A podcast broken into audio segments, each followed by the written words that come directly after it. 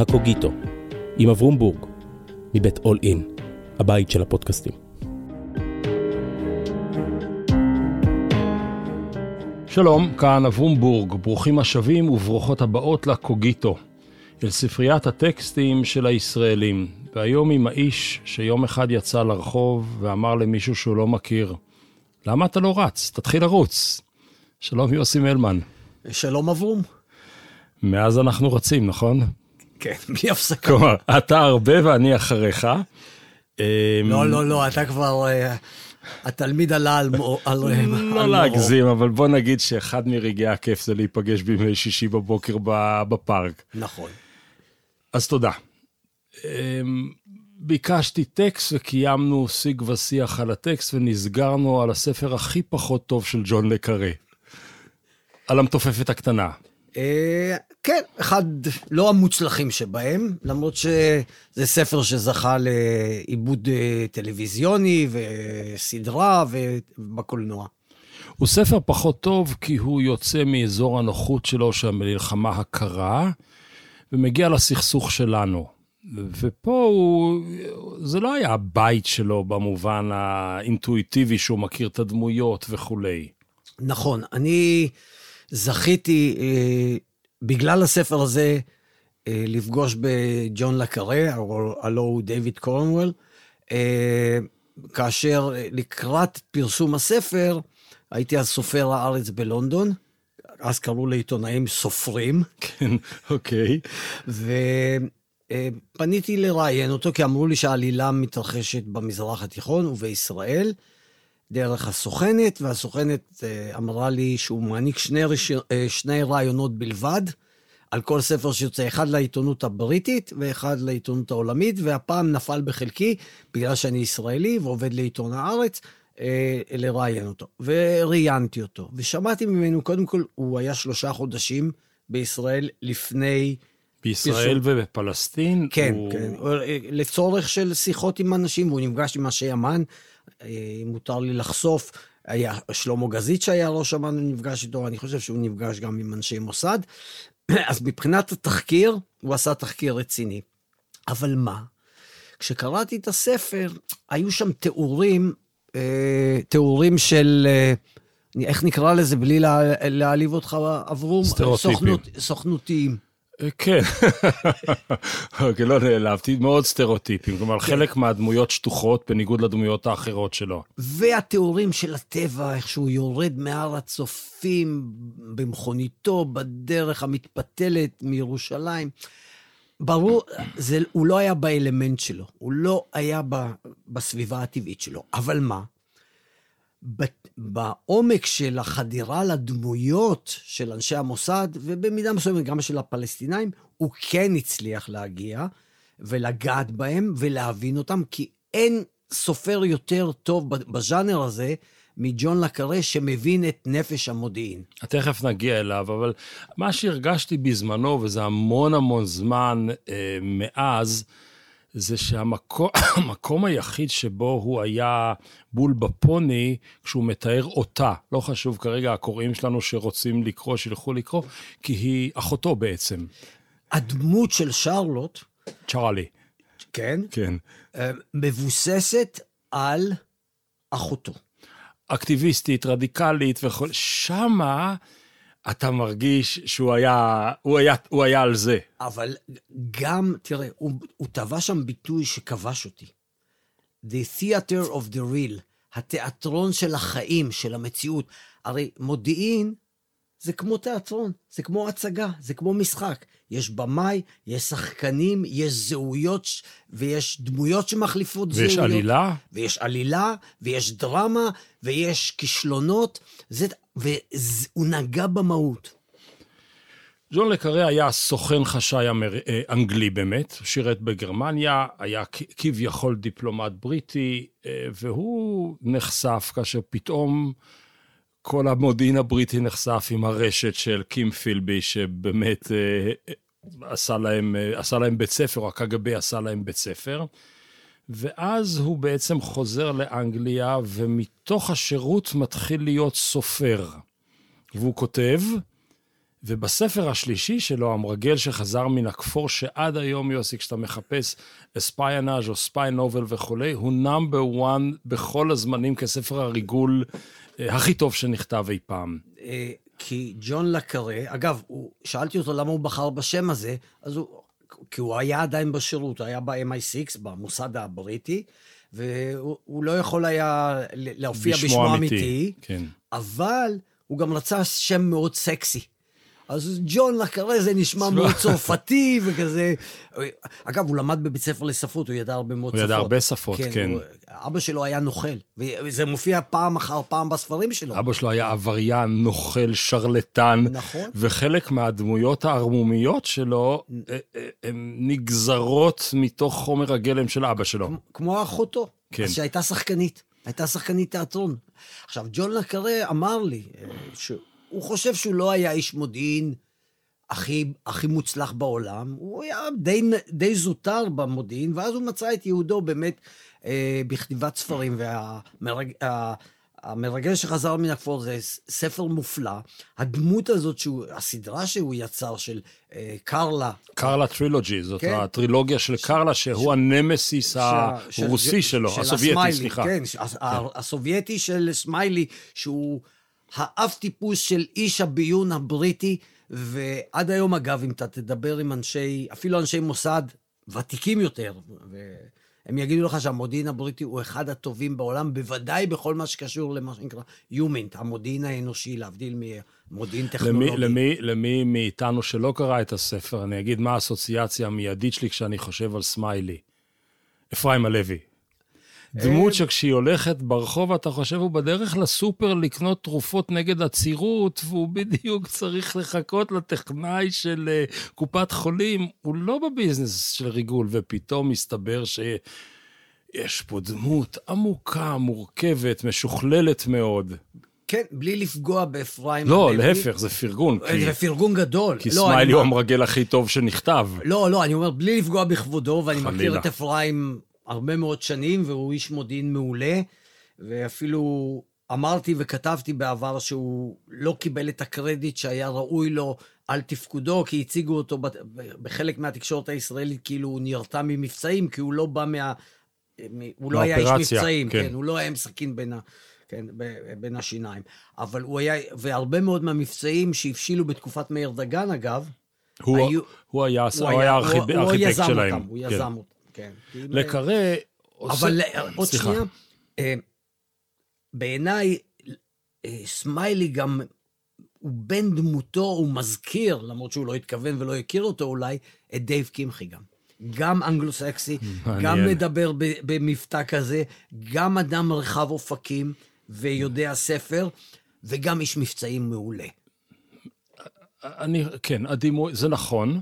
אני, אפרים, זה אולי מה שווה שיחה אחרת, בעיניי הוא, אני אמרתי לך את זה ב, ב, ב, ב, מחוץ לשיחה הזו, למיקרופון, שאולי האיש הכי אינטליגנט, הכי מרשים, הכי חכם שפגשתי בשירות הציבורי הישראלי. הוא בהחלט כזה, כן. כן. עכשיו, מה עושה הסופר? למה הסד... כל הספרים שלו, זה לא רק הטרילוגיה של קרלה, זה כל המערכת העצומה שלו, אחרי כן הוא נוסע למקומות אחרים בעולם כשנגמרת המלחמה הקרה. הוא בעצם מגשש בקו הגבול של איפה, של, של הנאמנות. איפה נגמרת הנאמנות למדינה, או לחבר, או לבן המשפחה, או לקולגה, והאם ההגנה על ביטחון המדינה, שאצלנו זה כל כך קדוש, היא באמת מקדשת את כל האמצעים, או ש... אפשר לעגל פינות לטובת מערכת ערכים נוספת. וכל הדמויות שלו הן מורכבות, הן משוכללות, הן שבורות. אין לו דמות אחת שהיא ג'יימס בונד. לכן הוא אמר שבמידה מסוימת המודיעין, הביון, הוא התת-מודע של האומה. תסביר. כי יש בו הכל. יש בו את המחשבות האפלות, יש בו את היצרים, אהבה, שנאה, אה, אה, רעות. אה, כל האמוציות. אויבים, כן, כל, ה, כל הריינג' של, ה, של הרגשות. ו, וזה בדיוק כך, כי הוא מתאר דמויות שהן מצד אחד שלמות מאוד, אבל הן גם מפורקות. ובביוגרפיה שכתבו עליו, אני יכול לקרוא לך את המשפט שאולי mm-hmm. מתמצת את, ה, את, את התפיסה הזאת, את הראייה שלו. הוא, הוא אומר ככה, הוא מצוטט שם, כולנו חיים חלקית לפחות בעול, בעולם חשאי. ביחסינו לבוסים שלנו, למשפחות שלנו, לנשים שלנו, לילדינו. כולנו מעניקים לקשרים אלה יחס אינטלקטואלי הגיוני, אך לא בהכרח רגשי. אני, אני לא ממש מכיר, אנחנו לא ממש מכירים או רוצים להכיר את עצמנו. פתוח סוגריים, אנחנו בורחים מעצמנו. אה, תשע עשיריות של האני שלנו הוא מתחת למים. אחד הנוכחים החשובים במציאות שלנו זה מין, זה סקס.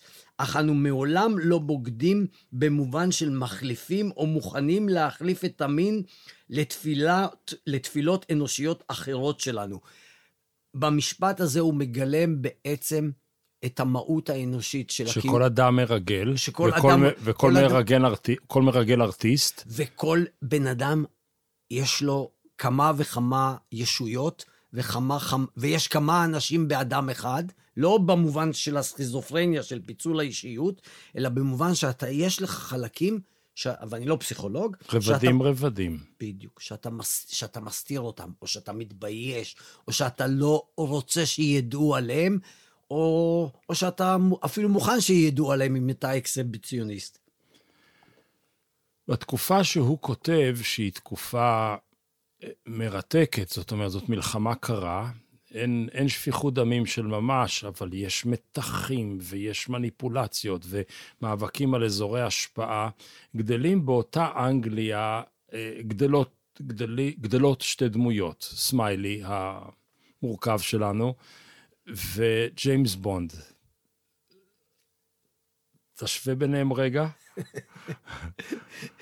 ג'יימס בונד הוא... הוא חיוך. ש... הוא יפה. הוא, הוא חיוך שחייך איאן פלמינג, המחבר, הסופר. איאן פלמינג גם היה איש מודיעין, אבל הוא היה בצי. הוא היה במודיעין הצי. הוא לא היה בעולם החשאי האמיתי האמיתי, הוא היה יותר בדסק. הוא ישב במשרד של הצי, באדמירלות, והתוודע לעולם הזה. סמיילי, או, או, או ג'ון לה קארה הכיר את העולם החשאי, את העולם האמיתי של המודיעין. ולכן אה, איאן פלמינג, שהיה עיתונאי וכתב ספר שהוא היה חצי, חצי כזאת בדיחה, על פעלולן והרבה פירוטכניקה, שאת זה אנחנו רואים יותר מאשר בספר, בספרים. בסרטים. בסרטים, כן. והוא לקח את הדמיון, הוא לקח את זה למחוזות של דמיון. וג'ון לקרה דבק בעולם האמיתי של המודיעין.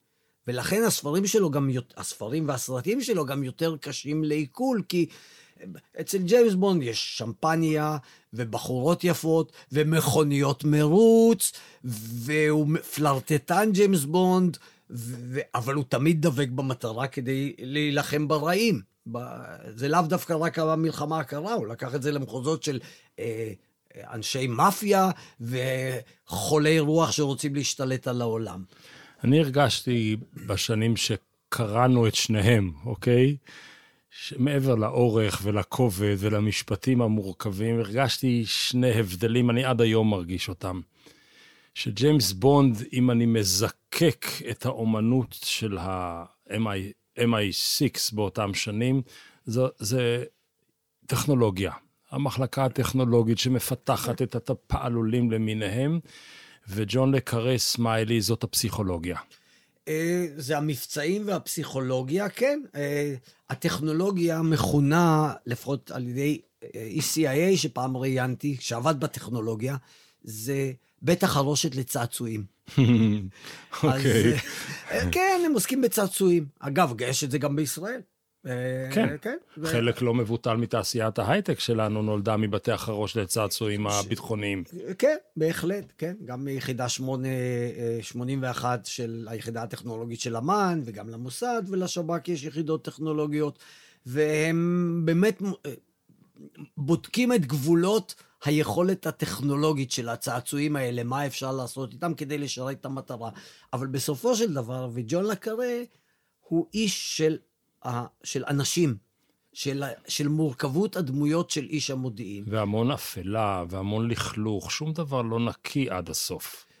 אה, כל דמות היא גם והיא עוד משהו. כי, כי, כי תראה, זה עולם המודיעין. אני, אני אצטט מאדם שהכרת גם אתה, אליהו בן אליסר, שהיה כ, כעשור בחייו, הוא היה במוסד, באירופה, בצרפת. והוא פעם אמר לי, כשהוא היה כבר אחרי שהוא היה מנכ"ל משרד ראש הממשלה וחבר כנסת ושגריר במצרים, הוא אמר לי פעם, משלמים לנו כדי לשקר. זאת אומרת, זה העולם הצד האפל ש, ש, שבנו, בהיותך איש מודיעין, בתפקיד. וזה בסמכות וברשות לשקר ולגנוב ואפילו לרצוח. ולא בכדי הוא עבד עם שמיר, שאמר שמותר לשקר למען ארץ ישראל. זאת אותה תמה. זה תמה, אני לא בטוח שזה אותה תמה, אבל כן, התמה היא אותה תמה, אני לא בטוח ש, שהוא, שאליהו בן אליסר התכוון לזה. בן אליסר התכוון לי שיש את השניות הזאת בעולם המודיעין, שאתה בסמכות וברשות יכול לעשות את כל המעשים הנוראים ביותר, כולל לרצוח, לגנוב, לשדוד, לשקר, להתחפש, ומצד שני, כשאתה יוצא מגבולות עולם הביון שלך, כשאתה נוחת בנתב"ג, חזרת מפעולה מבצעית, אתה נוחת בנתב"ג. ריסט. אתה אזרח לכל דבר, ויש אנשים שלא הצליחו להסתגל, לא למשפחה, ולקחו את זה רחוק מדי. ויש לי לא מעט דוגמאות של זה, של אנשים שהיו במודיעין, ולקחו את זה רחוק מדי, כי התבלבלו.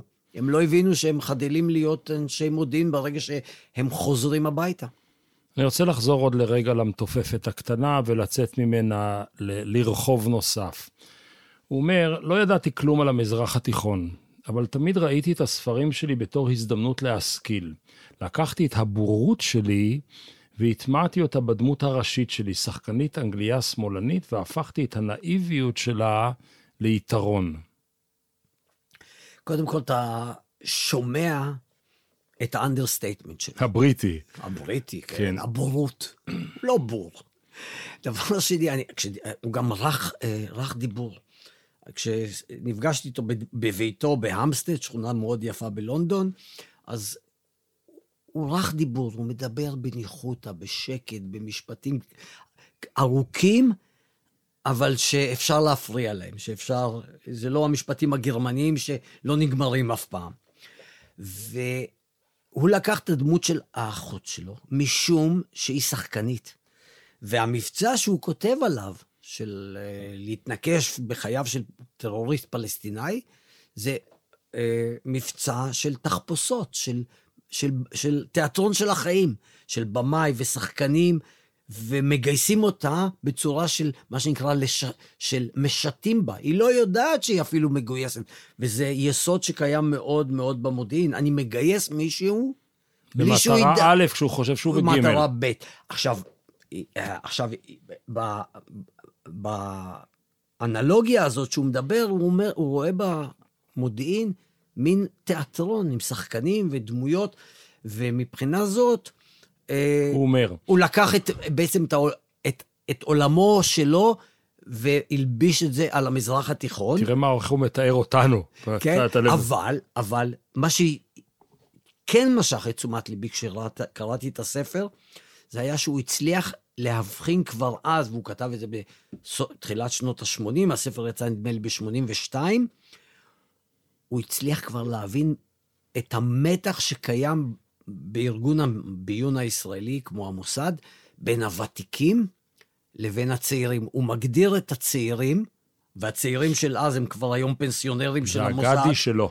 מה? הגדי. כן. כן. הם פנסיונרים של המוסד. כן. הם בארגון הגמלאים של המוסד. אז הם, הם, הם ממהרים ללחוץ על ההגה. הם, הדק. הם, הדק, כן. הם הפי טריגר כאלה. בעוד שהוותיקים הם מיושבים, הם גם דוברי שפות. אה, אתה יודע מה, באנלוגיה נאמר שהרבה מאוד מאנשי המבצעים של, ה, של המוסד זה יוצאי סיירת מטכ"ל. Mm-hmm. אנשים מיומנים במקצועות שלהם, אבל אין להם אולי את הרוחב התרבותי והאינטלקטואלי שהיה לדור שהגיע מאירופה או ממדינות אחרות שהרכיבו את, את המודיעין הישראלי בראשית שנותיו. הוא מתאר את מה שהוא מצא כאן, שאתה... שהוא מצא כאן את הקרנבל הכי יוצא דופן של גיוון אנושי שאי פעם נתקלתי בו. ומה? בתהליך של הרכבה מחדש של עצמה מרסיסי העבר. פה אוריינטלית, שם ערבית, כאן חילונית, שם דתית, אבל תמיד בוחנת בחרדה את המוסר שלה, מבקרת את עצמה באכזריות מאואיסטית, ומה המתבקעת מוויכוחים, מגלה מחדש את העבר שלה בזמן שהיא נלחמת על העתיד שלה. למה אני מביא את הציטוט הזה? כי היו שרצו, בייחוד בארצות הברית, להאשים את מבנה הדמויות שלו כאנטישמיות לטנטית. ואם היה משהו שהוא לא היה, הוא לא היה אנטישמי. הוא לא אנטישמי בכלל, בכלל, כלל וכלל לא. הייתי רואה בו אפילו פילושמי, אבל כמובן הוא היה ביקורתי על ישראל, אבל זה לא הופך אותך לאנטישמי אם אתה מבקר את ממשלות ישראל. אותנו כן, אותו לא. הוא אמר פעם, זה עניין של צירוף מקרים בלבד שסמיילי עצמו אינו יהודי. ואז הוא לקח פאוזה ואמר, אבל אולי הוא כן. נכון, נכון. בוא נלך אה, לז'אנר. אם כי היום היו בודקים עם... אם הוא תומך ב-BDS. עם הנכד. כן, סעיף הנכד. בוא נלך לז'אנר. דיברנו בתוך אנגליה על הדמויות השרלוק הולמוסיות המורכבות, שזה יותר אה, אה, לקרא, ועל פלמינג, שזה יותר אה, חפיפניק. Chitty Chitty Bang Bang. הולל. הולל, כן. כן. בז'אנר של ספרות הריגול, יש גם פער עצום בין הספרות ריגול האמריקאית לספרות הריגול האנגלית. לודלום, אה, The Hunt for the Red October, כלומר, יש כאן פערים עצומים בסוגי הספרות. כי האנגלים יודעים לכתוב. האמריקאים יודעים לרגל? אה, הבריטים יודעים לרגל לא פחות טוב מהאמריקאים. לא, אני, תראה, אני, אני אספר לך אנקדוטה. אני, כשהייתי סופר הארץ בלונדון, אז הייתי מגיע לתדרוכים של משרד החוץ הבריטי, של מחלקת המזרח התיכון, עם הדסק הישראלי, והם היו לפעמים מקריאים לנו את המברקים שנשלחו מהשגרירות הבריטית בתל אביב על המצב הפוליטי בישראל. להראות לנו מה הם חושבים על, על המצב הפוליטי בישראל. וכשאני קראתי את זה, אני אמרתי לעצמי, אני יכול לקחת את זה as is, ולהפוך את זה לכתבה שלי עם, הח, עם, ה, עם החותמת שלי כ, כ, כ, כיוצר הכתבה. הם יודעים לכתוב, הם לומדים מגיל אפס לכתוב, בוודאי העילית, כן? העילית של החברה הבריטית, אלה שמגיעים. למשרות במודיעין הבריטי. תראה, בוריס ג'ונסון, נפסיק, נפליג רגע. אני, מחב, אני חיבבתי את בוריס ג'ונסון, אפילו פעם פגשתי אותו כשהיה ראש עיריית לונדון. מדוע? כי הוא למד לטינית באוקספורד. אז נכון, הוא פוחז, והולל, ונוכל, ושקרן, ולא אמין. אבל מתורבת. אבל, כן, מתורבת ובקיא. והאמריקאים גם הם בקיאים, אבל אצלם, בגלל הגודל של ארצות הברית, הגודל של ה-CIA, הם, הם מאמינים שאולי מה שהקג"ב בזמנו חשב, שכמות תהפוך לאיכות, וגם האמריקאים הם אוהבים הרבה יותר בגאדג'ט, בצעצועים, בטכנולוגיה, כבר מתחילת הדרך. הבריטים פחות. נעשה את ההבחנה רגע בין תרבות הריגול לתרבות ספרות הריגול. אני אגיד משהו על תרבות ספרות הריגול. ההרגשה שלי שהכתיבה האמריקאית של ספרות הריגול, ויש כל מיני, היא מכוונת לשני מקומות. האחד להוליווד, כלומר, מהמילה הראשונה שהסופר מניח על הדף, הוא חושב על התסריט שיהיה סרט ש... ואיך תראה הדמות, ואז הוא בונה אותה בעצם בתור אימאז' קולנועי, ולא כמו שהגדרנו קודם את ג'ון לקארה, בתור התת-מודע של האומה ודמויות שבורות, שזה יותר real life. הדבר השני, אמריקה הקאובויית, ארה"ב הקאובויית, זה תמיד צריך להיגמר בדו-קרב בצהרי היום ובירייה, והגיבור שלנו מנצח את הגיבור שלכם. ואצל ג'ון לקארה אולי זה הפוסט-קולוניאליזם, שגם האומה החזקה יצאה פצועה מתוך העסק הזה, הכל רלטיבי יותר.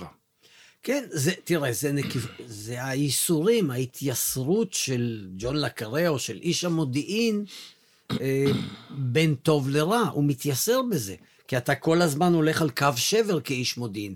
האמריקאים, באמת, כמו שתיארת אותו, הם יותר החלטיים, יותר נחושים, יותר ממוקדי מטרה, זה, וזה תוצר של התרבות האמריקאית, וזה גם בא ביטוי בכתיבה האמריקאית, אבל זה לא רק בגלל שהם ממוק... עם, עם עין פוזלת לעבר הוליווד. זה לא רק בגלל זה, כי אין שום פסול אם אתה כותב אה, מתוך מחשבה שאולי תהפוך את זה לתסריט. אם אתה מתוחכם מספיק, אם אתה יצירתי מספיק, אתה יכול לכתוב מונולוגים או דיאלוגים שאתה חושב מראש שהם יהיו אולי טובים לקולנוע, יש להם איזה דימוי קולנועי כזה, תמונות קולנועיות. אין בזה שום פסול, אבל אה, האמריקאים יודעים לכתוב, זה לא שהם לא יודעים לכתוב. מה שיכול להוביל אותי למחשבה מדוע בישראל אין כל כך ספרות רגע, ריגול. רגע, אתה רואה את השאלות שלי? לא, אני יושב עם הגב למחשב כן. שלך. למה? נכון, יש לנו ארגון ריגול שבעיני רבים נתפס כמהטובים, אם לא הטוב שבהם. יש לנו כמה סופרים לגמרי לא רעים בארץ שהם סופרים בינלאומיים. זאת אומרת, יש לנו את שתי, ה... שתי האונות, ולמה לא נכתבת ספרות כזו יותר גבוהה? דה סילבה, אוקיי. הוא לא ישראלי, לא, הוא אמריקאי. כביכול כותב אותנו. כן, כן. לכן זה, אבל הוא אמריקאי שכותב. נכון. אמ, הוא אוהב את ישראל, אפילו קיבלתי ממנו מי שברך על, על אחד הספרים אוקיי. שלי, אבל כן, הוא אמריקאי, הוא שמכיר את ישראל. זו שאלה טובה שאתה שואל את עצמך. יש תמיהה נוספת, מדוע לא נכתבת פה ספרות מתח וריגול מודיעינית? אמ, למרות שאחת ה... האתוסים הכי גדולים של החברה הישראלית זה המודיעין, הצבא, זאת- הביטחון. ו- היא- היא ולמרות הנותנת, זאת, ולה- נכון, זה נותן לך קר... אני חושב שזה נובע קודם כל מ... מאיזה חשש קמאי מצד הסופרים אפילו לגעת בזה. חלקם אולי באו, הכירו את קהילת המודיעין. יש, המורה, לאנג... המורה לאנגלית, יש פה ושם נגיעות. תראה, גרוסמן היה, עד כמה שאני מבין, ב-8200. נכון, משם הוא יודע ערבית, הזמן הצהוב הוא כתב עם משהו נכון, רכש שם. אבל הוא, לא, אבל הוא לא עוסק במודיעין, והוא מכיר את המודיעין, הוא יכול להכיר את המודיעין. אולי זה נובע מהרתיעה הזאת, אולי זה נובע מ, מכך שכל הזמן שומרים אצלנו סודות. ב... צנזורה וסודות. רק מדליפים פה. Nothing is official till denied. אני, אני יכול להפ, לה, לה- להפתיע אותך, אני חושב ש-95 אחוז מה, אה, ממה שמתרחש בגלילות, אנחנו לא יודעים על זה. אני אשים עוד תזה על השולחן ותריב איתה קצת. אני אטען שבספרות שיש לנו, זה כמו הספרים שקיבלנו לבר מצווה על הצל"שניקים, על ירמי ועל מאיר הר ציון. אנחנו רוצים סיפורי אמת של גיבורי אמת. אז ניסים משעל ומיקי בר זוהר יכתבו ספרים אמיתיים על גיבורים אמיתיים. מה לי פיקציה כשיש לי, כשיש לי את הדבר האמיתי? אה, אני חושב שזה משיק למה שאמרתי לך מקודם. הרתיעה הזאת לעסוק במורכבות של המודיעין. כי ישראל היא חברה קטנה, ואתה מהר מאוד תוכל לזהות, אם, אם לקחת איזה דמות אמיתית ובנית סביבה דמות פיקטיבית, עדיין המקור יוכל לזהות את עצמו, ואולי הוא חבר של חבר והוא ייעלב. יש בזה גם את האלמנט הזה. האינטימי, הקרבה של כולם האינ- לכולם. האינטימי, וגם, תראה, בזמן האחרון אני מנהל שיחות עם שני אנשים, אני לא רוצה לנקוב בשמותיהם, שהם יוצאי מוסד, אבל הם, הם קצת בקיאים בצד, גם המבצעי וגם, נקרא לזה, הפסיכולוגי של, של העבודה. ואנחנו מסכימים שיש איזשהו חשש בישראל לגעת באמת במורכבות של המודיעין, כי, כי אחרת זה ישרת את, את האויב. אנחנו נהיה חלשים. אה, איש המודיעין, איש אמ"ן, איש מוסד, איש שב"כ, הוא, הוא, הוא מורכב, יש לו ייסורים, הוא מתייסר עם עצמו. לא טוב. לא טוב, כי הוא חלש. חלש. נכון, כמו שאריק בדיוק. שרון אמר, חיילים לא בוכים. בדיוק. אה, כן, ולכן אולי גם זה מקור ל, לב, לבעיה, כי כמו שאמרת, יש פה יוצרים נהדרים וכותבים מצוינים והם יודעים לכתוב, ועדיין... יש כאן מרגלים מצוינים. אה, מרגלים מצוינים, כן. אז, אז בואו בוא ננסה להישאר באזור חיוג ג'ון לקארה. הוא ב Tinker Tailor Soldier Spy, הוא מתעסק עם קרלה, עם, ה, עם הנמסיס הרוסי הגדול, כן. שאולי הוא, הוא בן דמותו של וולף המזרח גרמני. מישה, מישה וולף. ה- היהודי. מרקוס. כן. השרף מרגלים שלא יודעים איפה התמונה שלו ולא יודעים איפה הוא נראה, אבל אין עסקה שעוברת בצ'ק פוסט צ'ארלי שהוא לא נמצא שם באיזשהו מקום. והוא הוא, הוא מתאר, לקרא מתאר את קרלה בתור אה, ספקן. ספקן מחויב לספקנות. כל הזמן יש איזה, אולי לא נכון, אולי אפשר אחרת, אולי מכאן, אולי ההוא שאומר לי את זה מתכוון לזה.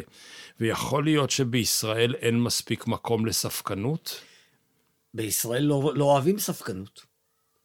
אבל אם נדבר על, על מישה, מרקוס וולף, שגם אותו זכיתי להכיר ואפילו באמת? לראיין, כן, בטח, בגרמניה. אחרי נפילת החומה? הרבה אחרי, אחרי שהוא עמד למשפט וזוכה. כן. אה, אני חשבתי שלא בצדק הוא היה צריך להיות מועמד למשפט, אבל הוא היה בשטאזי, ואסור לשכוח את זה. ואני חושב שג'ון לקארה עושה חסד לקרלה, אם הוא חשב על מישה, כי, כי הנמזיס הסובייטי שלו, איש הקג"ב, הוא, הוא אחר לגמרי. עכשיו, איש מודיעין, ולא חשוב אם אתה זוטר או בכיר ועומד בראש ארגון, אתה תוצר של החברה שממנה אה, אה, אה, נולדת ושבה חיית. ואתה לא יכול להיות ראש קג"ב יותר טוב מניקיטה חרושצ'וב, ממנהיג המפלגה הקומוניסטית, כי בסופו של דבר אתה משרת אותו. ואיזו חברה שחיה בשקר. זו הסיבה, אגב, אולי, שבאיראן לא מצליחים, וגם במדינות ערביות, לא מצליחים לחדור להוויה הישראלית ולהבין את ישראל. כי משטרים דיקטטוריים, וארגוני ביון של משטרים דיקטטוריים, לא חותרים לאמת. ולהפך. האם בדיק... אנחנו יכולים להבין אותם? אנחנו יכולים להבין אותם יותר. אז, אנחנו אז... מנסים להבין אותם. כל עוד אתה עושה הפרדה בין המקצועיות שלך כאיש מודיעין, כחוקר מודיעין, כנתחן מודיעין, כאיש מבצעים של מודיעין, לבין הפוליטיקה. אולי זה ייגמר. בקדנציה הנוכחית, אני חושב שלא. עדיין אני חושב שראשי הארגונים בישראל יהיו נאמנים לעקרון הממלכתיות ולאמת, אבל קרלה הזה הוא, הוא תוצר של החברה הסובייטית, ולכן מישה וולף הוא גם תוצר של השטאזי. למרות שבערוב ימיו... המזרח גרמני בהקשר גרמני, הזה, כן. אבל זה אותו דבר, mm-hmm. אולי יותר גרוע אפילו. הם היו יותר אולי סטליניסטים מברית המועצות. ולכן כשאני נפגשתי עם מרקוס וולף, הוא כבר היה אפולוגטי. הוא ניסה להגיד, אני הייתי אחראי על מודיעין החוץ של שטאזי. זה נכון.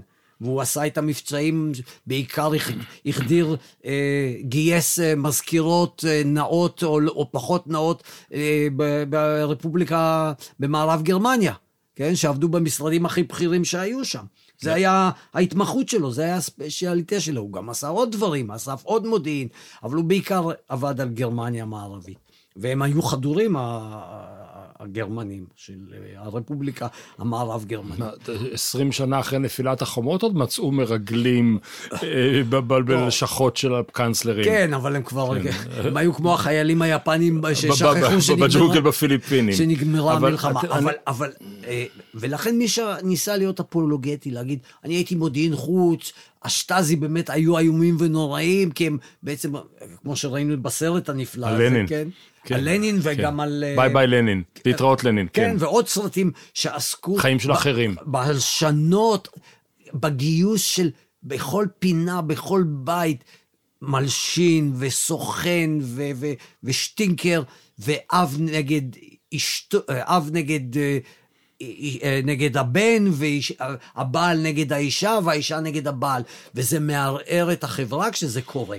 זה מערער את ה... את תמתח אבל עכשיו רגע את זה של It takes one to know one, זאת אומרת, אתה צריך להבין נפש ליברלית כדי לרגל אחרי ליברל, אתה צריך אולי להבין נפש דיקטטורית כדי להבין חברה שחיה בדיקטטורה. תמתח את זה עוד שנייה. תראה, לא, שנייה, כן. השאלה, זו הייתה הנחת המוצא. האם אנחנו לפי המבנה הזה נהיה אי פעם מסוגלים לרגל בסין? אני מבין איך לרגל ברוסיה. אני מבין איך לרגל במצרים. כי יש לי פה רוס, רו, רו, רובד רוסי, יש לי כאן רובד ערבי, איך אני ארגל בסין? יהיה לך קשה.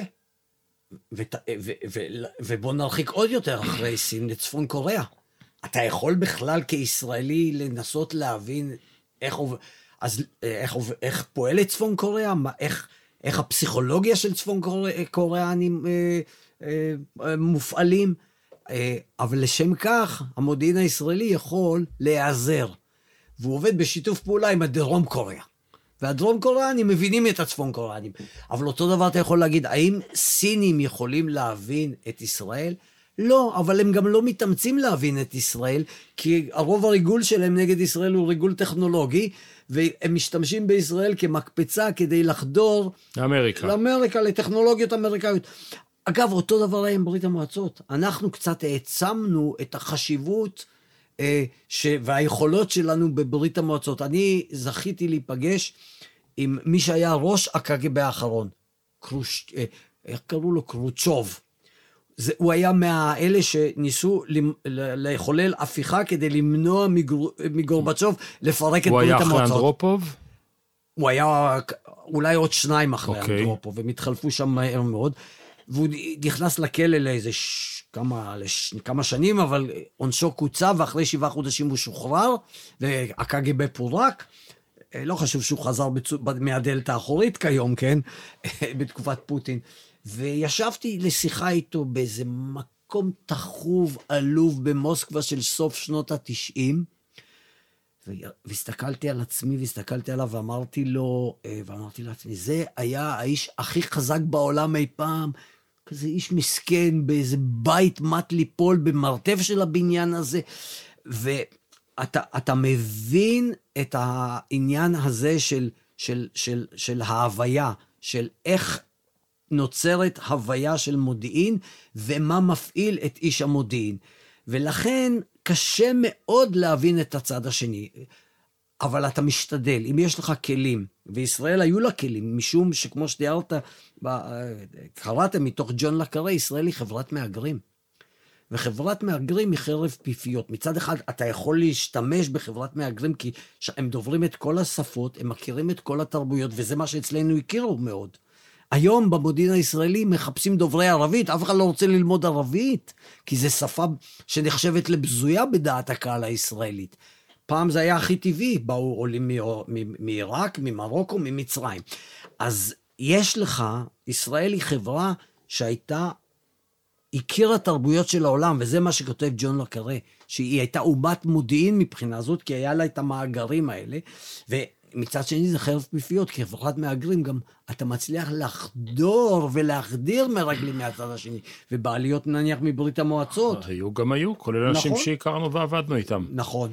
אז לכן, אתה מבין, זה, זה, זה, זה סוגיה מאוד מאוד בעייתית, אה, אם, אם אתה יכול להבין את הצד השני. זה, אבל אתה משתדל להבין אותו. האם, אתה יכול, האם אנחנו מבינים את, את אסד, או... אני לא בטוח שאנחנו מבינים את אסד. של... אבל יש הבנה של אדם שהוא ישות אחרת לגמרי ממך, איך אני מגיע למאו צטונג, איך אני מגיע לקים ג'ונג איל. שאלה. יש שאלה שהיא יותר קרובה, על, באזור הדואלי. קצין, כדי להיות קצין מודיעין טוב, אתה צריך להיות הרפתקן, אתה צריך להיות אה, יצירתי, אתה צריך להיות, ואתה צריך להיות מחויב לק- לקוז, לשליחות העצומה, כי המחירים, עיין ערך אלי כהן וילדיו, הם מחירים עצומים, נדיה, שהמשפחה משלמת. אתה חייב להיות עשוי מברזל או מפלדה כדי ללכת למהלך הזה, אבל באותו רגע אתה גם בוגד. והדמויות של אה, ג'ון לקארה הן גם פטריוטיות וגם בוגדות באותו רגע. דבר קצת על הבגידה. איך מגייסים קצין מודיעין שהוא בכלל... הוא התגייס בתור פטריוט, איך הוא פתאום עבר צד והוא נהיה בצד שלנו והוא בוגד? א', יש ספר נפלא של רבקה ווסט, אבל היא כתבה בעצם על מלחמת העולם השנייה וקצת אחריה. אה, שנקרא The Meaning of Treason, משמעות הבגידה, וזה אחת הסוגיות הכי הכי מורכבות. איך אתה מצליח לשכנע את הצד השני לבגוד בעצמך, לבגוד במשפחה שלך, לבגוד במולדת שלך, ועדיין לא ליצור אה, דיסוננס קוגניטיבי ולהיות שלם עם עצמך. וזה ברוב המקרים מתפרק באיזשהו שלב. עכשיו, השיטות הגיוס נעות מארגון לארגון. יש, האמריקאים ינסו יותר לקנות אותך בכסף. הישראלים והבריטים, אגב, ינסו יותר להפעיל קסמים של אידיאולוגיה או עיסוי האגו, אה, אבל בסופו של עניין, אתה צריך שניים לטנגו הזה, אתה צריך שניים לריקוד הזה.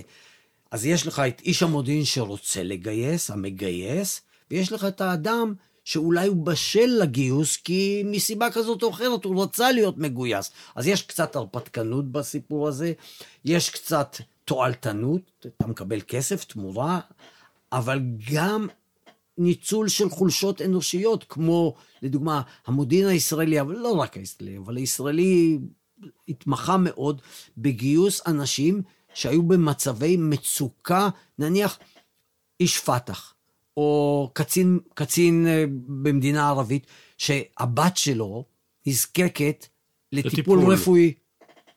ואז אתה מגיע אליהם ואתה משכנע, והוא משכנע את עצמו שהוא עושה את זה למען המשפחה, למען הילדה, וזה איכשהו מקהה את התחושה שהוא בוגד. אבל תראה, אה, זה, זה בעיה מאוד מאוד קשה, כי איפה עובר הגבול בין בגידה ללא בגידה? ואתה יכול, אני יכול לדבר על קלינברג, לדוגמה, שעבד בשביל הרוסים. הוא עד, הוא, הוא, עד סוף ימיו... הוא היה משוכנע שהוא עשה את הדבר הנכון. נכון, שהוא פעל כן. מאידיאולוגיה, ולכן הוא סידר לעצמו את העולם. הוא סידר לעצמו את זה שהוא לא בגד, כי הוא בעצם עזר למדינת ישראל כדי שהיא שנגיע למצב יותר של עולם יותר מאוזן בתקופת המלחמה הקרה בין המערב למזרח. אה, בסוגיית הבגידה יש עוד דבר. איך אתה בודק שהצד שלך לא בוגד? ומודיעין עובד על אמון. אה, כלומר, איך אתה סומך על הקצינים שלך, על האנשים שלך? תראה. או מה הגבול האמון? תראה, היו, היו פרשיות בגידה במודיעין הישראלי. מישראל וצפונה. בישראל באר, כן, כן, ועוד אחרים ועוד אחרים שחלקם אפילו אסורים לפרסום עד היום. ישראל לב היה המורה שלי בחיידר. אוקיי. אבל שזה הטעות, כן. אז ישראל בר היה ישב בחדר ליד בן גוריון. כן. אה, אז, והיו מקרים נוספים שלא התפרסמו. והייתה פרשת יהודה גיל. אתה יכול לקרוא לו, הוא לא ממש בגד, כי הוא לא העביר מידע לצד השני. אבל הוא הונה ושיטה ושיקר אה, לאנשי הארגון שלו. כי הוא התבייש, כי זה שהוא גייס אותו, הגנרל הסורי, בעצם לא גויס. והגנרל הסורי מעולם לא העביר מידע לישראל, כי הגנרל הסורי לא ידע שהוא מרגל. יהודה גיל בעל תקן של אה, אה, איש עסקים איטלקי, כי הוא יליד לוב. עכשיו, אתה לוקח, אה, וכשהתפוצצה הפרשה, והייתה ביקורת איך המוסד לא עלה על זה, למרות שהיו סימנים מספיק שהעידו שיש בעיה עם, עם יהודה גיל והדיווחים שלו. באמ"ן חשדו, במוסד חשדו, ודיברת על זה עם שבתאי שביט, ושבתאי שביט תמיד אמר, אתה חייב לתת אמון באנשיך. כי אם אתה תחשוד באנשים שלך... לא ייגמר. ואתה יודע מה עושה חשדנות בתוך ארגון ביון? הדבר אולי הכי טוב שהאויב יכול לעשות לארגון ביון, זה לטעת בו ספקות. בדיוק. וזה מה שקרה למודיעין האמריקאי עם ג'יימס אנגלטון, שהיה כן. אחראי על, על ה-counter intelligence, על הריגול הנגדי בתוך ה-CIA, והסובייטים שלחו עריקים, חלקם היו עריקים אמיתיים, אבל הם גם שלחו עריק שיערער על העריקים האחרים שנשלחו כדי לטל, לבלבל ולטלטל טלטלה עזה את ה-CIA. וזה מה שזה עשה. והם לא השתחררו מזה. כן. ואנגלטון השתגע, כמעט השתגע, הוא היה אובססיבי. ולכן, אם האויב רוצה לשתות בך ולערער את הארגון המתחרה, היריב שלך, שלח לו מישהו שיטיל רפש. זה, אבל זה נכון לגבי כל ארגון. אם אני... תלך ללשכת ראש הממשלה, עכשיו הם חוקרים עם מי המדליפים ביניהם. ברגע שאתה חושד במישהו שהוא מדליף, פתאום כל הארגון... אני לא מבין, הם יכולים להתקשר לשאול, הייתי אומר כולם. אני רוצה ללכת לקראת הסוף שלנו למקום נוסף. דיברנו על האמריקאים ועל הישראלים ועל האנגלים. אני רוצה לדבר על הצרפתים. אני מאוד מאוד אוה- אהבתי ואוהב את הסדרה הטלוויזיונית, את הנפלאה לבירו. המשרד, אבל זה לא המשרד, זה הלשכה. בעברית זה תורגם הסוכנות. הייתי יושב ראש הסוכנות. לא. היהודית, לא היהודית. היא סדרה עצומה כי היא מאוד לקראית. הדמויות מורכבות, והאמון בגידה, ומי בעד ומי נגד, וכל אדם יש לו שש פונקציות סותרות אחת את השנייה. יש אהבות ויש שנאות, וזו תשומת לב לאזור שאנחנו כקוראים ישראלים פחות נחשפים לז'אנר האספיונאז' הצרפתי. אה, אני חושב שהסדרה הזאת הפתיעה את העולם. אולי הצרפתים בעצמם הופתעו. כי הצרפתים, לא היה להם שם מי יודע מה של ארגון ביון מקצועי. אה, בין הארגונים הבולטים בעולם, אני יודע, ה-CIA, ה-MI6, המוסד, הקובנים היה להם ארגון ביון לא רע, אה, הקג"ב במידה מסוימת, הסינים אפילו, הצרפתים היו ככה... בשביל הקוקטיילים. אה, לא רק, אבל כן, הם לא היו. וה-DJSA, המוסד הצרפתי, א', שיתף פעולה עם הבמאים והכותב של הסדרה הנפלאה הזאת, עם אריק רושן, שהוא גם יהודי במוצאו, אבל זה לא רלוונטי, והוא עשה פעם סרט על ישראל לפני שנים, וזכיתי גם לדבר איתו. הוא הצליח לגבש, כמעט זיקק את השילוב של ג'ון לקארה, המודיעין הבריטי, ה-MI6, ה-Human Intelligence, עם, עם ג'יימס בונדיות כזאת של הרבה אקשן, ועם אולי, עם איזה קריצה להוליווד אמריקאית עם הרבה פעלולים. וזו סדרה נפלאה, וכמעט כל איש מודיעין שפגשתי והכרתי, אמרו לי שהיא, שהתיאורים שלו, של, ה, של ההפעלה, של הדילמות של אנשי המודיעין, של השיגעון שאוחז באיש מודיעין, כי פתאום הוא מתאהב ב... בסוכנת שלו, שזה אסור בכלל. זה מעשה אסור, אבל זה קורה כל הזמן, גם בישראל. הוא הצליח להביא את זה לדרגת אומנות, וכל איש מודיעין שנפגשתי איתו אמר לי שזו הסדרה שהכי הכי מתקרבת לאמת של איך עובד מודיעין. ויש הרבה מאוד קנאה על היכולת הזאת שלו לייצר סדרה כל כך מופלאה. אני מבין שהוא עובד עכשיו על איזה סדרת המשך שלא עוסקת רק בצרפת, אלא בעוד כמה מדינות בעולם. ואני ממליץ לכל אחד אה, לראות את הסדרה הזאת, למרות שזה שש, ש, שש עונות. אני מצטרף, אני התרשמתי מאוד, אני לא אוהב visuals, אני לא אוהב סרטים, אני אוהב ספרים, אבל אי אפשר לעזוב את זה. זה מרתק, כן. זה מותח, וזה גם משקף מציאות שקיימת. לא הכל כמובן, יש הרבה fiction שם, אבל זה מתקרב למציאות. והוא הצליח, אתה יודע, היום המוד... כל קהילת מודיעין, או בעיקר הישראלית, מתמודד עם הסוגיה של האיזון, האיזון בין המודיעין האנושי למוז... למודיעין הטכנולוגי. לצערי, גם בישראל מתחילים... יש הטיה לטכנולוגי. הטיה לטכנולוגי, כי זה קל יותר, זה נוח יותר. זה חוסך חיי אדם שלך, אתה לא צריך לשלוח היום סוכן ל... גם זה חוסך בעיות מוסריות. נכון, זה, נכון. האלגוריתם אבל... אין, לו, אין לו מצפון. כן, אבל בסופו של דבר מאחורי האלגוריתם יושב בן אדם. לכאורה. כן, זה רחוק, זה עוד שלב, זה עוד קליק. כן, תחשוב על אלה שמפעילים את ה... מסכים. את המל"טים שמנבדה הורגים ילדים באפגניסטן. באפגניסטן. אז לכן הוא... הוא הצליח למצוא את האיזון הזה שבו מתלבטות היום קהילות המודיעין. לצערי, גם בישראל יש הטיה לכיוון היותר הטכנולוגי. אמרת, ואני רוצה לחזור לאמירה ההיא של קרא, שמודיעין הוא התת-מודע של האומה. של כל אומה, כל אומה והמודע שלה, וכל אומה והמודיעין שלה.